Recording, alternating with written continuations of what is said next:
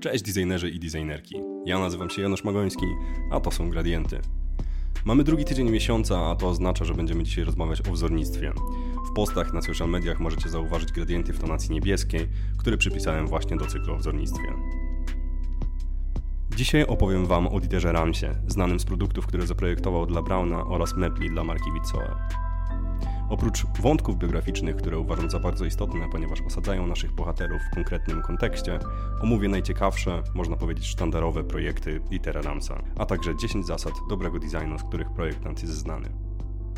Zapraszam na historię o Dieterze Ramsie. Dieter Rams urodził się w 1932 roku w Wiesbaden, w małym miasteczku obok Frankfurtu. Jak sam wspominał, był dzieckiem wojny. Miał 13 lat, gdy ustały bombardowania. Mieszkał wtedy z dziadkami. Bardzo ucieszył się, gdy do Niemiec wkroczyli Amerykanie i wojna w końcu się zakończyła. Warsztat stolarski był jego domem i schronieniem. Wspomniany warsztat był też bardzo istotnym wątkiem w życiu młodego Dietera Ramsa, ponieważ tam nauczył się fachu i podejścia do pracy, które potem wykorzystywał w swoim dorosłym życiu. Kolejnym ważnym wspomnieniem jest kolejka linowa Neroberg w Wiesbaden, która wywarła na młodym Dieterze wielkie wrażenie. Kolejka dla małego dziecka była niesamowitą atrakcją z oczywistych względów, ale jeszcze bardziej niesamowity był sposób jej działania. Jeden wagonik był napełniony wodą ze zbiorników na górze. Kiedy zjeżdżał, ciągnął w górę dolny wagonik. Na dole woda opróżniała się do małego stawu. Woda była następnie pompowana z powrotem do góry. Było to niesamowicie ekonomiczne i ekologiczne rozwiązanie, ale ówcześnie ludzie nie postrzegali tego w tych kategoriach. Młody Dieter miał wtedy około 5 lat, ale wspomnienie kolejki i sposób myślenia, który stał za tym jak działała, został z nim po dzień dzisiejszy. W 1947 roku Rams rozpoczyna studia w szkole artystycznej w Wiesbaden na kierunku architektury i dekoracji wnętrz. To był taki mini Bauhaus. W tamtym czasie bardzo dużo szkół czerpało ze spuścizny legendarnej szkoły Waltera Gropiusa. Wszystkie zajęcia były praktyczne, z kolei studenci i nauczyciele stanowili jedną wielką rodzinę. Nasz bohater i jego koledzy ze studiów byli bardzo zapaleni do tworzenia lepszego i dużo bardziej demokratycznego świata. Wychodzili właśnie z cienia tego strasznego okresu w historii i wielu mówiło się o tym, że projektowanie ma dać ludziom wolność. Dieter zaczął projektować na początku lat 50. Był to czas po ogromnych wstrząsach, czas wielkiej niepewności, ale również moment wielkich zmian. Czas po studiach Dieter wspomina następująco. Większość moich kolegów skończyła w branży wnętrzarskiej. Ja jednak miałem tylko jedną myśl architektura. Nie chciałem mieć nic wspólnego z architekturą wnętrz, więc zrobiłem obchód we Frankfurcie, który w tamtym czasie był centrum świata architektury. Dieter Rams otrzymuje w końcu pracę w pracowni Apella Otto, w jednej z największych firm architektonicznych w tym regionie. Zaprojektowali innymi amerykańskie konsulaty we Frankfurcie i Bremie. Pomimo zadowolenia ze współpracy, to nie architektura stanowiła jego przyszłą drogę zawodową. W tamtym czasie jeden z jego przyjaciół wspomniał, w gazecie jest ogłoszenie o firmie o nazwie Brown. Zapytałem, co to za firma Brown, co to jest. W tamtym czasie Brown nie był znany. Szukają architektów, zgłośmy się tam. Zobaczymy, kto się dostanie. Dostał się oczywiście Dieter Rams. Na początku współpracy bracia Brown, Arthur i Erwin poprosili go o wykonanie projektu próbnego na ulicy Rysselheimer, gdzie znajdowały się ich główne biura. Byli bardzo zadowoleni z projektu i było jasne, że chcą z nim współpracować. Za zarobione pieniądze Mr. Brown, bo tak go potem nazywano, kupił swój pierwszy samochód. Używany Fiat Topolino, co po włosku oznacza myszka. I rzeczywiście, jak sprawdzicie jak wyglądał, jest taki, no, myszowaty. Po jakimś czasie współpracy pokazali mu pierwsze szkice projektów radia Hansa Gugelota z 1954 roku. Wtedy Dieter Rams zrozumiał, że jego kariera architekta poszła w zapomnienie. Trwały ogromne zmiany. Chodziło o odbudowę Niemiec, o przemyślenie kim są ludzie, czym są, jak żyją, to właśnie stąd się wziął bardziej społeczny stosunek Dietera do projektowania. Wiele z tego myślenia pochodziło z Ulm. Szkoła w Ulm została założona po wojnie w latach 50. i stanowiła kontynuację Bauhausu, tylko jeszcze bardziej funkcjonalną, pościągliwą i purytańską. Projektanci z Ulm, z którymi pracował początkowo w Braunie, byli bardzo zainteresowani modułową koncepcją, czystymi liniami, odejmowaniem, Dieter podchwycił to bardzo szybko i zainkorporował do własnego podejścia projektowego. Bracia Brown związali się z Wyższą Szkołą Budownictwa w Ulm. Badali możliwości, jakie dają przedmioty elektryczne w domu. Rams w tym czasie wszedł do tego świata, wnosząc swoje doświadczenie. SK4 był punktem zwrotnym firmy Brown oraz w projektowaniu jako takim. W tym czasie radioodbiorniki były rodzajem mebli, a projektanci Brauna chcieli się od nich odciąć. Pierwsze szkice SK4 zostały wykonane przez Dietera w drewnianej obudowie z odtwarzaczem płyt i radiem na górze. Ta koncepcja jednak została dość szybko odrzucona, ponieważ nie była zbyt funkcjonalna. Poproszono Hansa Gugelota, który był wtedy głównym projektantem, o znalezienie rozwiązania. Był on jednym z najważniejszych projektantów połowy wieku i miał bardzo dobre relacje z Erwinem i Arturem Brownami. Gugelot bardzo szybko znalazł rozwiązanie i zaproponował, żeby SK4 w całości zostało wykonane z metalu, z drewnianymi elementami po lewej i po prawej stronie. Ostatnim problemem było zaprojektowanie pokrywy gramofonu.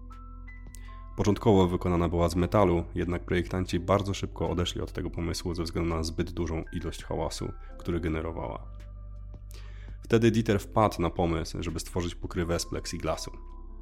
W tym czasie zaczęto używać plexi jako materiału. To nie była już nowość. Elwin w końcu powiedział: Tak to zrobimy. Kropka. Ponieważ pokrywa była przezroczysta, pozwoliło to na umieszczenie wszystkich elementów sterujących na górze. Wcześniej znajdowały się one z przodu, teraz po raz pierwszy można było je umieścić na górze i zobaczyć przez pokrywę. Od tej pory SK4 uzyskał potoczną nazwę Trumny Królowej Śnieżki. I rzeczywiście jest to bardzo trafne określenie. Jeżeli jesteście zainteresowani, polecam wpisać w wyszukiwarkę Snow White's Coffin Dieter Rams. Sami zrozumiecie. Po wprowadzeniu do sprzedaży SK4 sprawy nabrały tempa, jeśli chodzi o sprzedaż produktów Browna. Na początku chlebem powszednim w kwestii sprzedaży były lampy błyskowe do aparatów fotograficznych, potem przyszły maszynki do golenia, następnie urządzenia gospodarstwa domowego. Gdy produkty zaczęły zdobywać nagrody, Brown stał się nagle znany na całym świecie. Dieter Rams był zafascynowany tym, co robili w firmie Brown. To był czas, w którym projektant stał się nieodłączną częścią firmy i w 1961 roku został kierownikiem działu projektowego, który rozwijał się bardzo dynamicznie. Zespół zaczął się rozrastać. Wkrótce dołączył Gerd Müller, potem Richard Fischer i Reinhold Weiss. Byli ważni dla działu projektowego, ponieważ dzielili się z resztą zespołu wiedzą zdobytą w Ilm. Kierownikami działu budowy modeli byli Roland Weigand i Robert Kemper. Dietrich Loops zajmowała się całą grafiką produktową. Obok działu projektowego znajdował się dział fotograficzny. I w tym dziale były trzy kobiety, w tym Ingeborg, przyszła żona Dietera. Dieter Rams tak wspomina pracę ze swoim zespołem. Dział projektowy był zaskakująco bardzo otwarty, bardzo współpracujący. Zgłaszaliśmy propozycje, które następnie były omawiane z Erwinem i Arturem Brownem. Oni mówili: To może być interesujące, to może być dobry produkt dla Browna. Cała atmosfera była bardzo przyjazna, ponieważ spędzaliśmy razem czas również poza pracą. Uwielbialiśmy wtedy imprezować, a wieczorami zawsze kończyliśmy w jazzowych klubach. Wkrótce potem powstaje TP1, jeden z pierwszych radioodbiorników tranzystorowych połączony z odtwarzaczem płyt. Dieter Rams lubi nazywać go pierwszym Walkmanem. Można było go używać jako część systemu lub oddzielnie. Przenośny odtwarzacz płyt winylowych miał dość osobliwą konstrukcję, ponieważ igła nie była nakładana od góry, tylko wysuwała się z obudowy urządzenia i przesuwała się po ścieżce płyty od dołu. Więc z oczywistych względów płyta również była nakładana odwrotną stroną. Umożliwienie grania od dołu i uzyskanie odpowiedniego ciśnienia było wspaniałym dziełem inżynierów. W kontekście tego urządzenia w filmie Garego Hustwita Rams padł również bardzo ciekawy komentarz odnośnie logotypu Browna. Myślę, że to temat, który zna każdy projektant, więc pozwolę sobie wrzucić tutaj szybki cytat. Nie chciałem logo Browna na froncie, było z tyłu. To wystarczyło. Nieustanna walka, którą w końcu przegrałem z ostatnim dyrektorem generalnym, była spowodowana tym, że chciał, aby logo Browna było cały czas większe.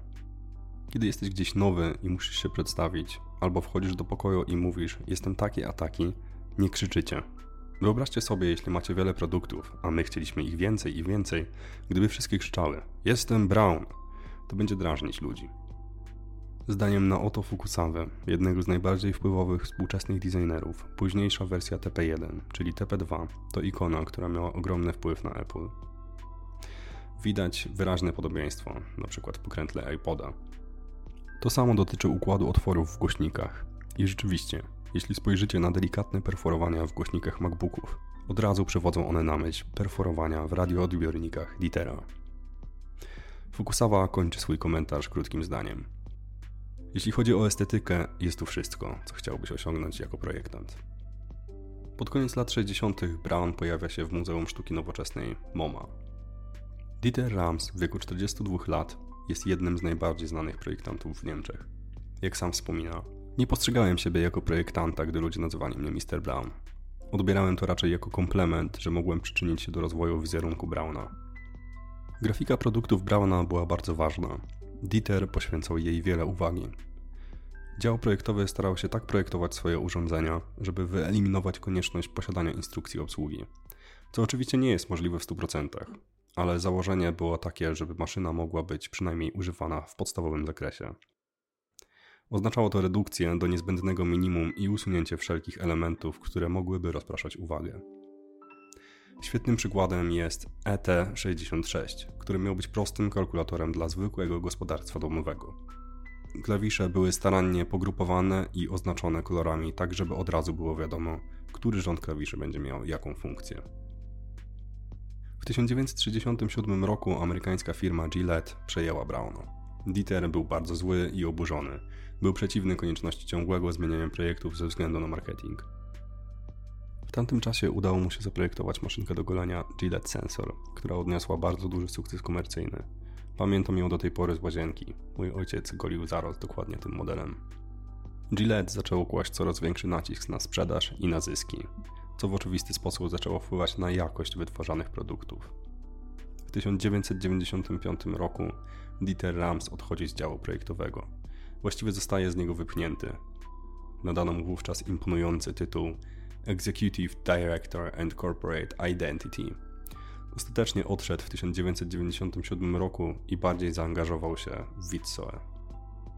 W latach 50. Rams był na wystawie handlowej i został przedstawiony przez Otto Zapfa, producenta mebli, Duńczykowi o nazwisku Nils Witsoe. Przez następne kilka lat rozwijali swoje pomysły. W 1959 roku powstała firma Witsoe.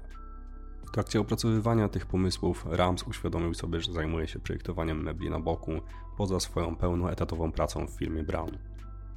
Udał się do Erwina Browna i zapytał, czy może kontynuować pracę w sposób formalny. Ten odpowiedział mu: Niech Rams projektuje meble. To może tylko pomóc w sprzedaży naszych radioodbiorników.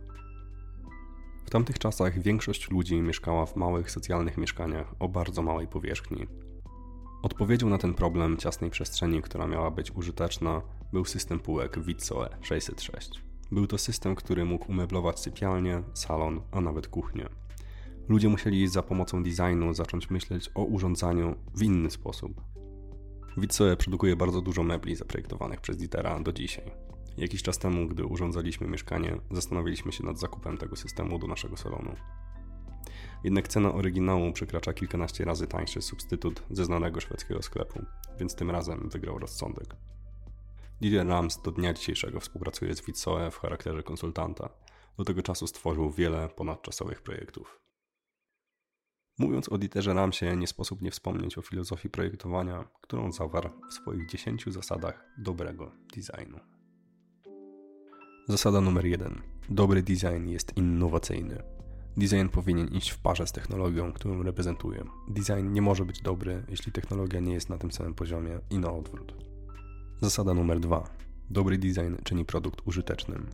Dobry projekt optymalizuje użyteczność i ignoruje wszystko, co nie służy celowi lub działa przeciwko niemu. Zasada numer 3. Dobry design jest estetyczny. Przedmioty, których używamy codziennie, w znacznym stopniu kształtują nasze osobiste otoczenie i samopoczucie. Tylko coś, co jest dobrze wykonane, może być piękne. Zasada numer 4. Dobry design czyni produkt zrozumiałym. Wyjaśnia strukturę produktu. Co więcej, może sprawić, że produkt będzie mówić. Zasada numer 5. Dobry design jest dyskretny. Produkty spełniające cel są jak narzędzia. Ich design powinien być neutralny i pozostawiać przestrzeń do ekspresji użytkownikowi. Zasada numer 6. Dobry design jest szczery. Szczery oznacza, że design nie próbuje być bardziej innowacyjny, wartościowy niż jest w rzeczywistości. Zasada numer 7. Dobry design jest ponadczasowy. W opozycji do modnego designu trwa przez wiele lat, nawet biorąc pod uwagę tendencję ludzi do wyrzucania rzeczy. Zasada numer 8. Dobry design jest przemyślany w najmniejszym detalu. W dobrym projekcie nic nie powinno być dowolne czy też pozostawione przypadkowi. Dokładność i precyzja są wyrazem szacunku dla użytkownika. Zasada numer 9. Dobry design jest przyjazny środowisku. Projektowanie w istotny sposób przyczynia się do ochrony środowiska naturalnego, oszczędza zasoby i minimalizuje zanieczyszczenie fizyczne i wizualne. Zasada numer 10. Dobry design jest tak minimalistyczny, jak to tylko możliwe. Powrót do prostoty, powrót do czystości formy.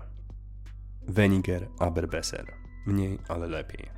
To ostatnie zdanie to hasło Dietera Ramsa, które zawiera w trzech słowach całą jego filozofię.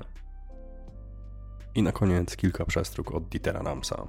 Dziś żaden przemysł nie jest zainteresowany naprawą rzeczy. To też jest fenomen. Lepiej po prostu kupić nowe.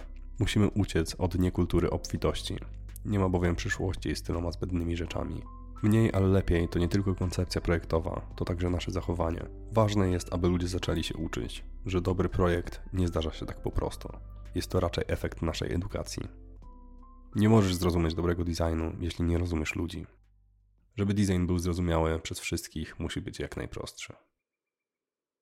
Moi drodzy, dziękuję Wam bardzo za wysłuchanie historii o Dieterze Ramsie. Słyszymy się w przyszły poniedziałek o 18 w odcinku o digital designie. I na koniec, mniej, ale lepiej. Cześć!